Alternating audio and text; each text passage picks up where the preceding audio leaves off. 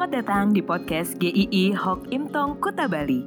Penginjil Ray Reginaldi akan membagikan renungan harian singkat untuk membawa Anda mengenal dan menyembah Tuhan Yesus, bertumbuh dan menjadi murid Kristus, serta berdampak untuk banyak orang. Jika Anda merasa diberkati melalui renungan ini, silahkan bagikan podcast ini agar orang lain juga diberkati. Inilah renungan hari ini.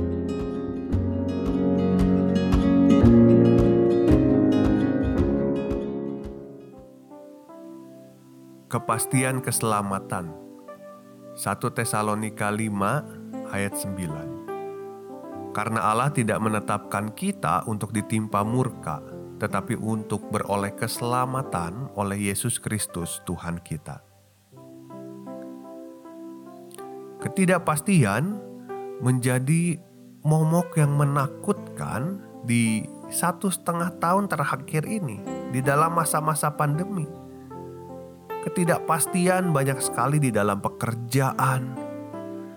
Ada rasa tidak aman ketika kita tidak tahu apakah bulan depan kita masih bekerja di tempat itu atau tidak.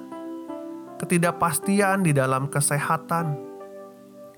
Kita tidak tahu apakah kita terpapar satu hari nanti atau tidak. Kita tidak tahu juga akan bisnis kita, banyak ketidakpastian di sana. Masih banyak sekali ketidakpastian yang kita hadapi di hari-hari ini. Satu hal lagi yang sering muncul adalah ketidakpastian akan hidup kita. Maksudnya apa? Kita cukup sering dikejutkan dengan meninggalnya beberapa orang yang cukup dekat dengan kita di masa pandemi orang-orang yang kita tidak duga dia mendahului kita.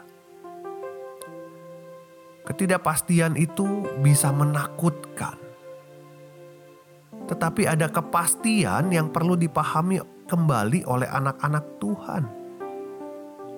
Di dalam situasi seperti ini, kita perlu mengingat kepastian untuk anak-anak Tuhan dan memberitakannya juga kepada mereka akan kepastian ini. Firman Tuhan mengatakan karena Allah tidak menetapkan kita untuk ditimpa murka, tetapi untuk beroleh keselamatan oleh Yesus Kristus Tuhan kita.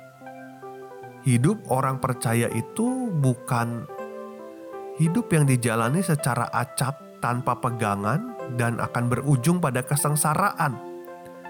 Perhatikan frase dikatakan Allah menetapkan kita, artinya kita ini ada dalam rancangan Tuhan. Tapi pertanyaannya, rancangan seperti apa? Jelas sekali dikatakan rancangan keselamatan, bukan rancangan untuk ditimpa murka Allah. Keselamatan itu bukan kita yang pegang, bukan kita yang bisa pertahankan, bukan kita yang bisa peroleh, tetapi Tuhan yang menetapkan dan Tuhan sudah menjaminnya.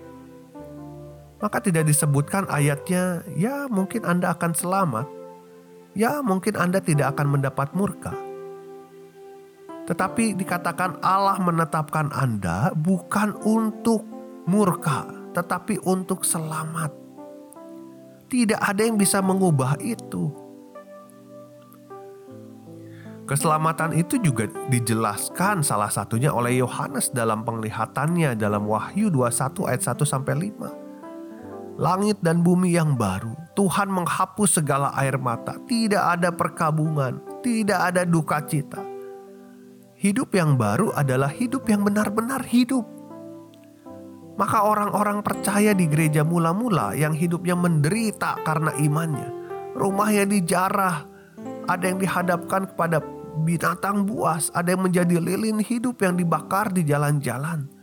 Tapi mereka masih bisa memuji Tuhan karena walaupun keadaan dunia tidak pasti buat mereka, tetapi ada pengharapan yang pasti, kepastian keselamatan di dalam Kristus. Karena itu pengharapan di dalam Kristus itu hidup nyata menyala di dalam hidup mereka. Timothy Keller mengatakan, tidak ada yang lebih praktis bagi orang yang mengalami penderitaan daripada memiliki harapan. ketidakpastian pasti ada. Tetapi hidup dalam kepastian keselamatan di dalam Kristus akan selalu membesarkan hati dan menghiburkan kita. Maka orang yang sudah memiliki kepastian keselamatan akan selalu punya pengharapan sekalipun menghadapi kesulitan besar. Apakah Anda sudah percaya pada Tuhan Yesus?